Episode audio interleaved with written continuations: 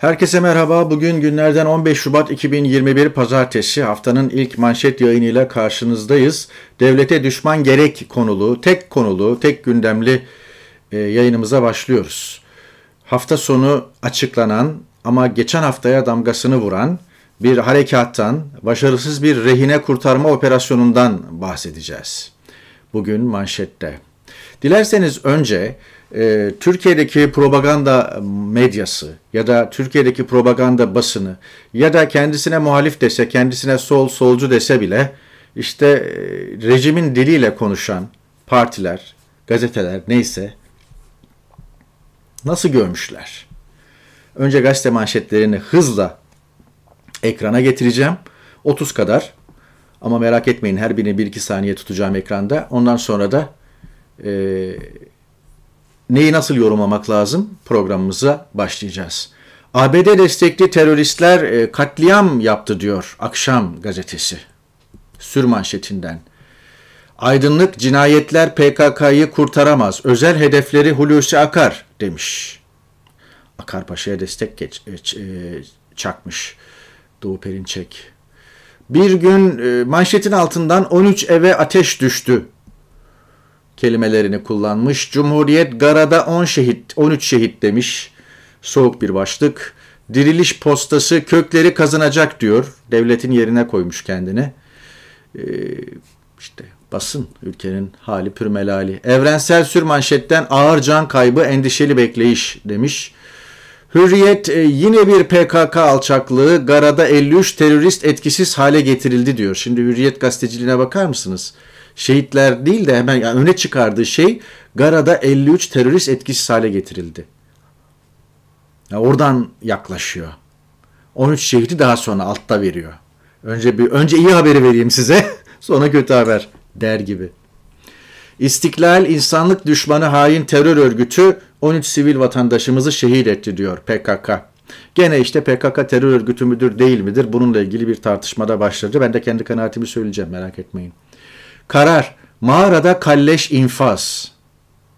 Siyaset vahşete karşı tek ses. Siyaset vahşete karşı tek ses de sıkıntı var. Esasen tek ses olmaması lazım. Ama hangi vahşet ve neyin vahşeti, kimin vahşeti? Bunu birazdan anlayacağız. Korkusuz alçaklar 13 evladımızı şehit etti.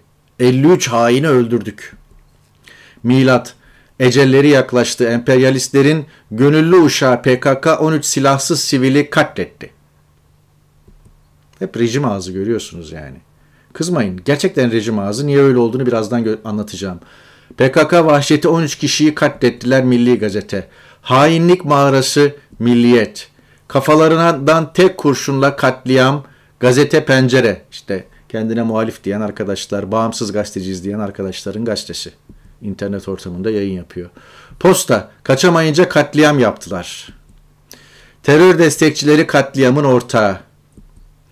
Alçaklar 13 evladımızı mağarada şehit etti sözcü.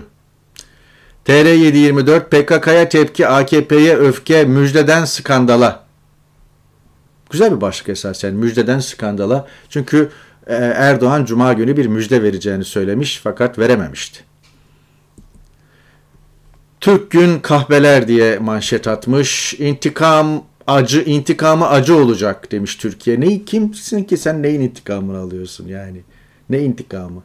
Yani devlet mi intikam alıyor, sen mi intikam alıyorsun? Kimin kimin adına ne sözü veriyorsun falan. Yani gerçekten olay kopmuş gazetecilik, devlet, medya, işte hükümet, başbakan falan ilişkileri.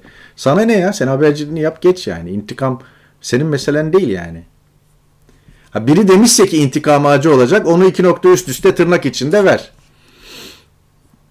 Amerika'ya asker göstermiş Akit. Halbuki yani HDP'ye adres göstermesi gerekiyordu. Burada bir yanlışlık var. Evet Yeni Asya. Yine PKK vahşeti demiş. Yeni Asya'da rejimin dilini diline teslim olan gazetelerden biri. Zaten dışında da kalamıyorsunuz yani yapacak bir şey yok. Yeni mesaj 13 şehit yüreklerimizi dağladı demiş. Kandil yerle bir edilsin diyor Yeni Şafak. Ne zamandır Kandil'i yerle bir ediyor Türk Silahlı Kuvvetleri ama işte görüyoruz durduğu yerde duruyor. İntikam yemini yeni birlik İçişleri Bakanı'nın intikam yemini Mağarada PKK vahşeti yeni çağ. Yani sanki mağarayı PKK basmış ve mağaradaki Türk askerlerini veya işte e, Türk vatandaşlarını katletmiş falan gibi bir şeyde vermiş. Yani bilmeyen birisi olsa bu başlıktan böyle bir mana çıkarır. Yeni Yaşam PKK lideri Öcalan'a yönelik uluslararası komploya birçok yerde tepki gösterildi. İlle de özgürlük diyor. Gare'de ne oldu diye böyle bir şey açmış ama e, Mezopotamya Ajansı'na bağlı olarak e, bir takım sorular falan var ama e, yani neticede Yeni Yaşam çok fazla bir gazetecilik yapmamış bugün. O da bilmiyor. Yani artı Türk tarafının tezlerini de vermemiş. Evet böylelikle yeni yaşamıyla beraber Türkiye'nin basın turunu bitirmiş olduk. Şimdi çocukları en azından hayatta olduğu için yıllardır umutla bekleyen ailelere naaşlarını teslim ederken bunları da anlatırsınız ya da zaten PKK öldürdü dediğinizde olay kapanır gider kime hesap vereceksiniz diye soruyor Levent Kenes. Bir takım başarılı kurtarma operasyonlarının örneklerini sıralamış Twitter'da. Mesela MIT Kenya'da kaçırılan İtalyan vatandaşını kurtardı. Mesela MIT Moldovalı kadın ve dört çocuğunu YPG PKK'nın elinden kurtardı. Hep Anadolu Ajansı haberleri. Mesela MIT rehineleri IŞİD'den böyle kurtardı. Mesela takasın önünü MIT ekibi açtı. MIT'ten iki pilotumuz için Suriye'de nefes kesen operasyon. Yani e, isterse e, Türkiye Milli İstihbarat Teşkilatı aracılığıyla bu tür operasyonlar yapabiliyor. Bunu anlatan bir şey. İki anonim hesaptan olay günü neler yaşandığını anlatan tweetler getireceğim ekranına.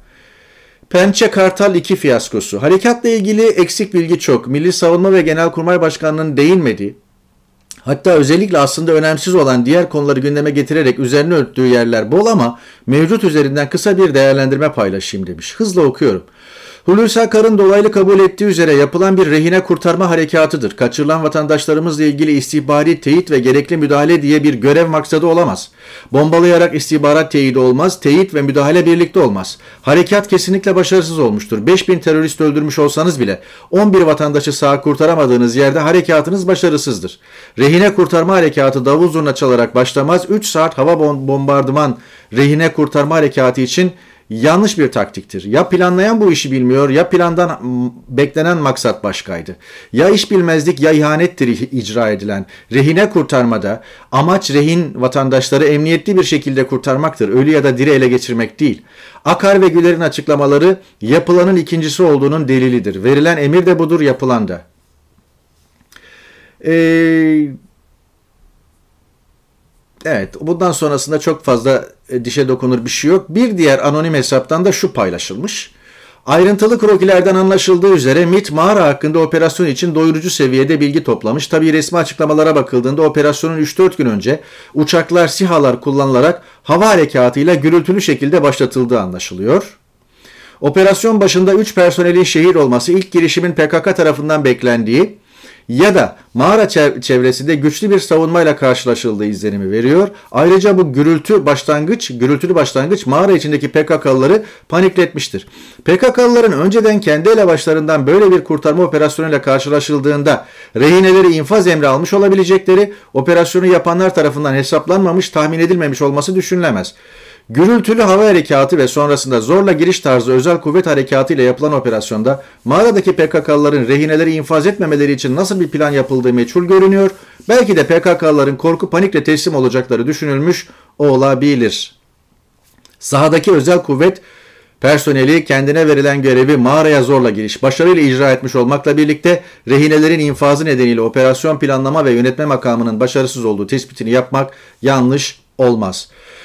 Milli Savunma ve e, Genelkurmay bu operasyonu planlarken rehinelerin kurtarılması ya da rehinelerin bir kısmı hepsinin infazı sonuçlarından biriyle karşılaşacağını mutlaka düşünmüş mütakip adımları operasyondan önce sonuca göre planlamış olması gereklidir diyor e, mesajında. Şimdi bu konuyla alakalı bazı e, Twitter e, mesajlarından ve e, kamuoyu yönetme biçiminden e, bahsetmek istiyorum. Fahrettin Altun kendisini ortaya atan isimlerden biriydi, biriydi ve e, ilk attığı tweetlerde hemen hedef gözetti. HDP demek PKK demektir. Evet yani direkt e, olay orada dururken saray hedef tahtasına HDP'yi oturttu. Daha olay sıcak, cenazeler kalkmamış, cenazeler teşhis edilmemiş. Bir dakika. Ama dediğim gibi mesele üzüm yemek değil yani. Bağcıyı dövmek. Bunun üzerine Can Dündar o tweet'i alıntılayarak HDP halkın önemli bir kesiminin sesidir. 6 milyon insanın oy verdiği partiyi bir saray memuru mahkum edemez diyor. Saray memuru ona Can Dündar'a sünepe diye yayın, yanıt veriyor. İşte böyle bunların seviyesi. Yani yani saraydaki şeyin seviyesi. Yani sadece o seviye mi? Aynı şey Süleyman Soylu için de geçerli. Birazdan geleceğiz. Can Dündar devamla diyor ki Amerikan Başkanı Jimmy Carter da Tahran elçiliğindeki 53 Amerikalı rehineyi kurtarmak için İran'a harekat planladı ama helikopterleri çölde e, çarpışınca Kartal Pençesi operasyonu 8 Amerikan askerinin ölümüyle sonuçlandı. Bunun üzerine Carter seçimi kaybetti diyor. Dikkat ederin, dikkatinizi çekelim. Oradaki operasyon da Kartal Pençe. İsimler bile aynı. Ama görüldüğü gibi bir rehine kurtarma operasyonu bir Amerikan başkanının seçimi kaybetmesine mal oluyor. Devamla e, Saray Propaganda Bakanı Mardinli polis memuru Vedat Kaya işte kalleşçe katledildi. İşte meka, mekanın cennet olsun yiğidim falan diyor. Yani üsluba bakar mısın? İntikamını alacağız falan. Yani devlete, devlet ciddiyetine, devlet vakarına ve devlet açıklama edebine, adabına yakışmayan cümleler. Sonra da e, bu Vedat Kaya'nın e, esasen bir KHK'lı olduğu ortaya çıkıyor. Ve e, kimlik numarasına kadar yandaş gazetelerde yayınlanmış 2016'lı 2017'li yıllarda. Evet. Polis memuruymuş, ihraç edilmiş. Ama işte şimdi şehit. Evet.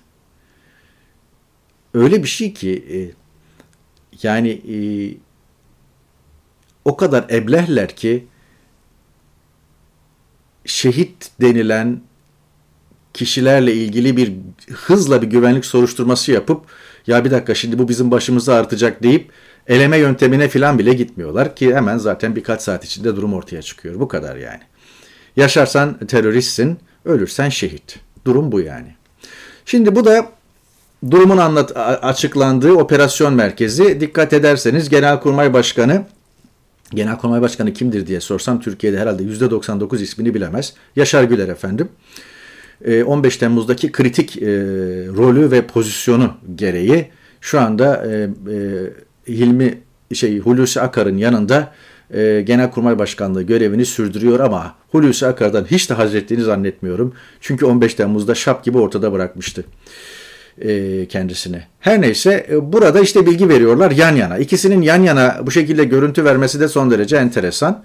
E, e, Hulusi Akar e, bir sivil olmasına rağmen bir böyle değişik bir arma, lacivert bir üniformamsı bir şey giyiyor falan. Değişik tuhaf bir şey işte. Ne devlet kaldı ne de geleneği derken işte bu da örneklerden biridir yani. Milli Savunma Bakanısın. Yani takım elbise kravatla görmüyorsunuz. Hep bu şekilde böyle kendine özel diktirdiği bir üniformayla ben diyor yani fiili genelkurmay başkanıyım diyor yani. Ve enteresan bir şekilde bu da işte genelkurmay başkanı Yaşar Güler. Yaşar Güler de enteresan bir şekilde Hulusi Akar'a dönüp e, basın toplantısında veya basın briefinginde neyse komutanım diyor yani. Bakanım demiyor. ne tuhaf şeyler. Şimdi hmm, Yaşar Güler bu kroki e, üstünde açıklamalarda bulunuyor. Birazdan krokiye geleceğiz. Bu da işte efendim Savunma Bakanlığı'nın açıklamaları. Gara'daki mağarada e, ele geçen mühimmat falan filan. Yani bunların sergilenmesinin bir manası yok yani. E, neticede e, orada yaşanan bir savaştır esasen. Bir mücadeledir, bir çarpışmadır. Yani siz sınırlarınızın dışında bir harekat gerçekleştiriyorsunuz. E, bir e, siz istediğiniz kadar terör, terörizm, terörist deyin ama durumun algılanması, takip edilmesi daha farklı yani. Dışarıda pek çok insanda e, orada o, oradaki e, güçlerden bahsederken gerilla güçleri olarak bahsediyor. Şimdi bu çok detaylı bir şekilde Yaşar Güler'in paylaştığı e, kroki. Yani mağaranın krokisi son derece detaylı bir şekilde e, elde edilmiş bir kroki. Yani kaç metrekare mutfak olduğu, iki rehinenin işte 12-13 rehinenin diğerlerinin nerede tutulduğu, kaç metrekare e, e, ne bileyim duş, havalandırma, e, tuvalet olduğu, ne bileyim perdesine demir parmaklıkına varıncaya kadar, e, zemine kadar, e, işte tavan diyor sera naylonuyla kaplı falan. Belli ki bütün genişlik şey yani belli ki içeriye birini sokmuşlar ve içeriden mağaranın çok detaylı bir şekilde krokisini elde etmişler. Yani bir mağara kayaların içinde oyulmuş veya işte dağın içindeki bir mağara öyle herhangi bir teknik yöntemle falan e, krokisi elde edilmez. Mutlaka içeride bir köstebeğiniz, bir ajanınız vardır. O size e, bunu çizer, e, gönderir. Yani başka yolu yok. Böylelikle Türk Silahlı Kuvvetleri'nin e, PKK'nın PKK'nın içerisinde bir ajanı olduğunu ortaya koyan bir şey. Tabii bunu bu şekilde anlatarak da onu yakmış oldular. Ayrı bir konu. Tıpkı çarşamba günü size bir müjdemiz var diyen Cumhurbaşkanı'nın operasyonu açık etmesi gibi. Cumhurbaşkanı bunu pazartesi günü söyledi. Ee, Salı günü uzay projesinden bahsetti. Çarşamba sabahı sabahın erken saatlerinde de e, uçaklar Gara'yı bombalamaya başladı. E, dolayısıyla e, PKK'da veya o bölgedeki insanlar da neyse bunu anladılar yani. Ya bak Cumhurbaşkanı da çarşamba müjdesinden bahsetmişti. Müjde bizmişiz. Bunlar da şehit olanlar ve Allah rahmet eylesin. Mekanları cennet olsun. Hepsi rütbeli e, subay, as subay ya da işte polis, güvenlik gücü yani. Semih Özbey'inden e, Ümit Gıcır'ına, Mevlüt Kahvecisine, e, Süleyman Sungur'una kadar jandarma er, jandarma uzman çavuş, jandarma uzman jandarma çavuş, işte as subay çavuş, e, gene uzman çavuş, piyade er, tankçı er, e, kimlikleri tespit edilen onu polis memuru, iki de polis memuru. Soldaki Vedat Kaya zaten KYK'lı polis memuru. Evet, öldü, şehit oldu, yaşasaydı teröristti. Diğer üçünün e, kimlikleri tespit edilememiş, ona bakacağız. Ama e, Cumhurbaşkanı e, bugün gene il kongrelerinde konuşurken e, şunu söyledi. Bu operasyonları yapmak suretiyle bu kardeşlerimizi kurtaralım istedik. Yani amacın bir kurtarma operasyonu olduğunun teyidi. Bir rehine kurtarma operasyonu olduğunun teyidi. Süleyman Soylu da Murat Karayılan'ı yakalayıp bin parçaya bölmezsek bu millet ve şehitlerimiz yüzümüze tükürsün falan. Yani bu yüzüme tükürsün bilmem ne filan. Tükürürler elbette tükürecekler de ayrı bir konu ama yani bu üslup falan bu şey nedir bu kabadayı kabadayı şeyler. Tuhaf. Sadece o mu işte gazetecisi de aynı. 13 şehidimizin bedeli çok ağır bir şekilde ödetilmeli. Cemil Bayık mı olur, Murat Kalayılan mı olur filan. İşte Abdülkadir Selvi. Dedim ya gazetecilik bitti yani. Yani herkes artık birer propaganda memuru. Fahrettin Altun'un şubeleri yani. Sana ne yani Murat Karayal'ın, Karayal, Karayılan'dan, Cemil Bayık'tan falan. Sen işini yap. Habercilik yap. Aldığın haberler ve bilgiler, duyumlar çerçevesinde analizini ortaya koy falan yani. Yani senin ne üstüne vazife yani. yani tuhaf. Şimdi Devlet Bahçeli'nin şu tweet'i enteresan. Diyor ki tweetinin sonunda mağara katliamının PKK terör örgütü ve destekçilerinin hesaba çekilmesi için bir yol ağzı, bir karar ve kader anı olduğuna inanıyorum. Yani diyor bunu bir fırsat olarak kullanalım. Burada diyor elimize yüzümüze bulaştırdık. Tamam ama diyor bu bir fırsat olsun diyor. Biraz yani bu tıpkı 7 e, Haziran 2015 1 Kasım 2015 iki seçim arasındaki süreç gibi. Kan dökülen milletin hizaya getirildiği aman kan dökülmesin diye insanların iktidarın etrafında işte milliyetçilik falan naraları eşliğinde çevrelendiği filan bir dönem. Böyle olsun isteniyor. Yine başka bir tweetinde Devlet Bahçeli e, ya hıyanet e, ya hidayet ya melanet ya da millet demiş. Türkiye bu kafayla ya bölünür ya iç savaşa sürüklenir diyor Kerim Has. Evet. Üçüncü bir alternatif yok. Maalesef ya bölünür ya iç savaşa sürüklenir. O açıdan gerçekten kritik bir kritik günlerin, kritik bir dönemin başındayız. Cumhurbaşkanlığı sözcüsü dünya neden sessiz diye sorunca Gara meselesinde Ümit Kıvanç üzerine şu notu düşmüş. Sessizliğin sebebi kimsenin e, sizin dediğinize güvenmemesi. Aynen öyle. O arada harekatı sorgulayan e, Hüdakaya ve Gergerlioğlu'na Ömer Faruk Gergerlioğlu'na ikisi de HDP'li siyasetçidir. Soruşturma açılmış efendim. Cengiz Aktar diyor ki bu acele suçun ifşasıdır. O arada hatırlatalım. Kimse hatırlamıyor, kimse bilmiyor ya da herkes bu rehine gerçeğiyle yeni e, karşılaştı ama Özgür Gündem gazetesinde bundan 5 e, sene önce Bilal Şahin bunun haberini yapmıştı. 2016 tarihlidir bu haber. Unutulan esaret, çözüm sürecinin bitmesiyle silaha sarılan PKK 20 polis ve askeri kaçırdı. Nerede oldukları ya da yaşayıp yaşamadıkları bilinmeyen bu görevlilerin aileleri perişan. En büyük yıkımı ise çözüm için kapısını çaldıkları yetkililerin ilgisizliği yaşattı diyor. Evet. Haber oldu, oldu ama işte kimsenin çok fazla umurunda değildi. Bu da gene e, tıklım tıklım salonlarda ilk kongreleri yapan ve seçime hazırlanan Tayyip Erdoğan'ın Gara'da PKK katliamı 13 şehit e, KC'sinin üzerindeki gülerken meseleden pek de keyifli olduğu anın karesi. Evet. Yaklaşıyor yaklaşmakta olan ilk kongrelerini yapıyor. Tabanı tahkim ediyorlar. ittifakı sağlamlaştırıyorlar. Pek çok şey e, gittikçe eriyen, gittikçe artık azalma, erime, eksilme neyse oylardaki zayıflamayı görüp bir an evvel e, mevcut, mevcut oyların üzerine böyle bir milliyetçilik veya işte böyle bir şiddet, korku sarmalıyla bir kenetlenme hali ve gacırt seçim işte 1 Kasım 2015'te efektini yakalayabilir miyiz? Çok alamet belirdi artık durum bu. İşte bakın HDP baskınları zaten devam ediyordu fakat bu güçle de devam e, başladı. Tıpkı cemaat baskınları gibi e, artık herkes HDP eşittir PKK, PKK eşittir HDP, PKK'lılar 13 vatandaşımızı katletti falan üzerinden kimse de bir şey diyemiyor şu anda. Ben bütün yayınları seyrediyorum. YouTube'da olsun, Twitter'da olsun, pek çok yerde olsun paylaşımlara bakıyorum. Herkes suspus. Artık kimse gakkuk edemiyor. Çünkü muazzam bir şekilde e, muhalefeti de yanlarına alarak tam saha pres e, her yeri tutmuş vaziyetteler. Dolayısıyla kimse HDP operasyonlarına bu sabahtan itibaren artarak başlayan ve devam eden tutuklamalara, gözaltılara ses edemiyor. Binlercesini gene toplayacaklar. Daha önce nasıl olmuşsa şu anda da öyle oluyor. Öyle muazzam milliyetçilik duygularını kabartmış durumdalar ki ve artık işte CHP'lisi, İyi Partilisi, öbürü belki artık Türk bayraklı paylaşımlarıyla falan filan da bunun arkasında hizalanmış durumda ki bu rüzgarla, bu güçle e, her şeyi geçirebilirler ve onu yapıyorlar.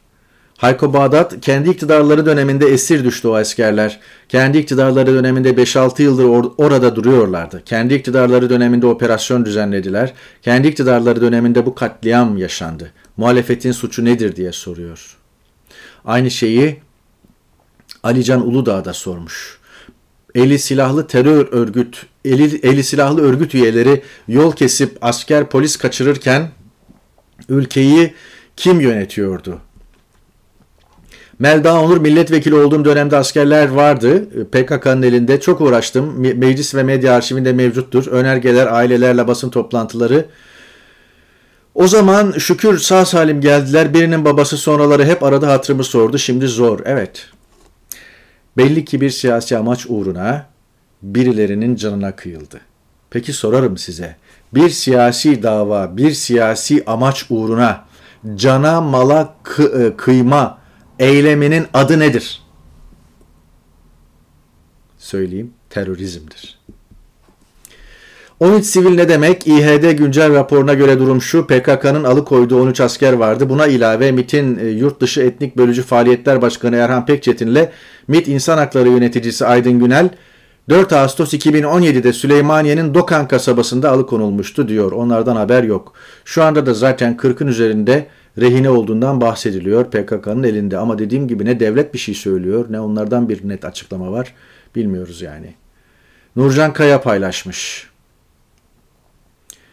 Biz neden bu insanların esil tutulmaları gündem olmamış, neden kurtarılamamışlar, hava saldırısında mı hayatlarını kaybetmişler diye sorular sorduğumuzda örgüt propagandası yapmış oluyoruz diyor. Emre Uslu, tuhaf bir yer Türkiye. Recep Tayyip Erdoğan çarşamba müjdesi versin diye PKK'nın elindeki 13 rehineyi kurtarma operasyonu yapıldı. Rehineler kurtarılsa keşke Erdoğan müjde verip siyasi prim yapacaktı. Büyük bir fiyaskoyla rehineler öldürüldü. Erdoğan kahrolsun PKK deyip prim yapıyor. Savaş Genç yeni anayasa teklifinde AKP için layıklık maddesini tartışmaya açacaklar. MHP için de PKK kartını kullanıp HDP'ye kapatma davası organize edecekler. Aynı pilavı yemekten doymayan milliyetçi İslamcı taban gaza gelecek ne kadar sıkıcı demiş. Mahmut Akpınar öyle anlaşılıyor ki Erdoğan siyaseten erimeyi PKK ile mücadele diyerek ve tansiyonu yükselterek önlemeye çalışacak. Nesrin Nas sosyal medyaya bakıyorum. Çoğunluk Gare'de can veren 13 asker ve sivilin 6 yıldır esir tutulduğunu bilmiyormuş. Hayko Bağdat Türkiye devleti defalarca aracılar vasıtasıyla PKK'nın elindeki esir askerleri geri almıştır. İHD siyasetçiler, yazarlar, aydınlar ara bulucu olmuştur. Yine olabilirdi. Niye tercih edilmedi diye soruyor. Evet. Emre Uslu Gara fiyaskosunda en kritik soru Erdoğan'a çarşamba müjdesi açıklamasını kim neden yaptırdı? Akar. Koltuğu sallanırken Erdoğan'a zafer getirip koltuğu koruyacaktı. Hakan Fidan silikleşen, silikleşen adını parlatacaktı. Süleyman Soylu ve ulusolcular RT'ye açıklama yaptırıp tuzağa çektiler diyor. Kerim Has, Erdoğan rejimi sanırım yine önce içeride milliyetçiliği daha da köpürtecek provokasyonlara başvurup sert milliyetçi kimliği öne çıkan bir kısım isimlere suikastler yaparak HDP'yi de kapattıracak şekilde tansiyonu artırıp ülkeyi ani erken seçime götürebilir. Mehmet Efe Çaman, şunu idrak edin, Kürtlerin temel insan haklarını teslim etmeyen, onları asimile eden, seçilmiş temsilcilerini hapse tıkan, belediyelerine kayyım atayan, oğullarına kızlarına diledikleri ismi vermelerine bile engel olan devlet, aynı size zulmeden devlet aynı. O devlette bu devlet aynı demiş. Fehim Taştekin 41 uçakla gece gündüz bombalanan bölgeden kim nasıl sağ çıkartılabilir? Muhalefet muhalefet olsaydı başarının bunun neresinde olduğunu sorabilirdi diyor duvardaki yazısında. Okuyun bu yazıyı. Aynı Fehim Taştekin dün Erdal El Erdal Er Alin Özinyan'la katıldığı yayında çok enteresan e, bazı açıklamalarda bulundu. Antiparantez e, bundan bahsedeceğim. E, dedi ki Erdoğan Rusya'dan füze savunma sistemlerini sarayı korumak için aldı. Bunu bana dedi Avrupa'da görüştüğüm iki batılı büyükelçi söyledi. Biri söyledi, diğeri de bunu teyit etti dedi. İsimlerini vermedi. Kendi F-16'larına karşı. Erdoğan kendi F-16'larına karşı, kendi ordusunun F-16'larına karşı sanki hani 2016 darbe girişimi tekrarı olur mu ya da yeni bir darbe olur mu falan gibi korkudan e, sarayı korumak için, kendini korumak için e, Rusya'dan savunma sistemleri aldı dediği son derece önemliydi. Demek ki Batı da bunu e, böyle görüyor. Zaten dikkat ederseniz Erdoğan pek çok şeyi kendi güvenliği için yapıyor. Yani Amerika'ya yanaşmaya çalışması, Avrupa ile olan ilişkileri, Rusya ile işte 15 Temmuz pazarlığı, öbürü Beriki, işte Mavi Vatan'dan Libya'ya, oradan Suriye, Irak, Azerbaycan'a kadar hemen her şeyde ve attığı imzalarda, aldığı kararlarda ve bütün uygulamalarında bakın Tamamen kendisiyle alakalı. Tamamen kendiyle alakalı. Fehim Taştekin onu söylüyor. Yani S-400'ü de diyor e, Erdoğan e, kendi güvenliği için, kendi savunması için, kendi jetlerine karşı, kendi ordusunun jetlerine karşı aldı diyor. Batılılar buna böyle inanıyor diyor. Çok enteresan bir analiz. Savaş Genç, tahmin edebileceğiniz en aşağılık dönemleri düşünün. Şimdi o düşüncenizi yüzle çarpın start verildi. Öyle bir döneme girdiniz demiş. Tuncay Opçin, hava kuvvetlerinin bombardımanıyla rehine kurtarıldığı nerede görülür? Nerede görülmüş demiş. Ve e, İhsan Yılmaz, tek çareleri 7 Haziran 1 Kasım arası kanlı arasının 100 katını yaşatmak, şehit edebiyatı yapmak, milliyetçi infial pompalamak, HDP'yi diğer e, muhalefetten izole etmek demiş. Bakalım ne tür lütuflar yollayacak MIT diye soruyor. Devlet Bahçeli'nin tweet'i üzerine yaptığı yorumda İhsan Yılmaz. Son yorumu da rahmetli Çetin Altan'a bırakalım. Şöyle söylüyor. Batıda düello vardır, doğuda pusu. Biz doğu ile batı arasında olduğumuz için düelloya çağırıp pusu kurarız. Bütün her şeyin özeti bir yandan da bu. Peki gerçekte ne oldu? Gerçekte bütün bu e, gelişmeler, bütün bu şeyler e, etrafında, görüşler etrafında şunu söyleyebilirim. Bir siyasi başarıya, bir siyasi çıkışa, bir siyasi dava için, bir siyasi sonuç, bir siyasi netice için e, sıkışmış Ankara'nın, sıkışmış sarayın yeni bir çıkış yakalaması için bir zafere, bir harekata, bir başarıya, bir başarı öyküsüne ihtiyaç vardı.